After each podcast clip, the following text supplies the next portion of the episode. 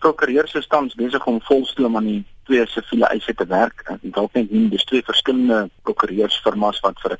elkeen van die betrokke offisiere optree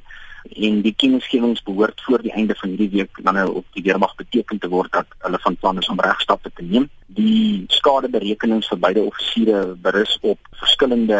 aspekte vir elkeen. In die geval van van Sail kyk ons byvoorbeeld na die skade wat sy loopbaan gelei het en as gevolg van sy 2 jaar afwesigheid in die werksplek, sy loopbaanontwikkeling, sy verlies aan toekomstige potensiële inkomste en bevordering en dan natuurlik ook die aantasting van sy militêre karakter en reputasie binne die militêre gemeenskap en dan ook maar die aantasting van sy goeie naam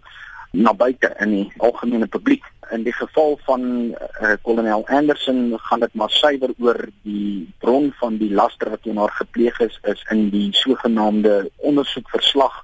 van minister Gadede en sy groep amptenare wat natuurlik hulle bes probeer het om eerder as om by die waarheid uit te kom die president te beskerm ten alle koste daar word byvoorbeeld die uh, meer skadelike afleiding gemaak dat uh, Christine Anderson 'n misdrijf sou gepleeg het in samewerking met sekere ander amptenare soos ambassadeur Kolwane.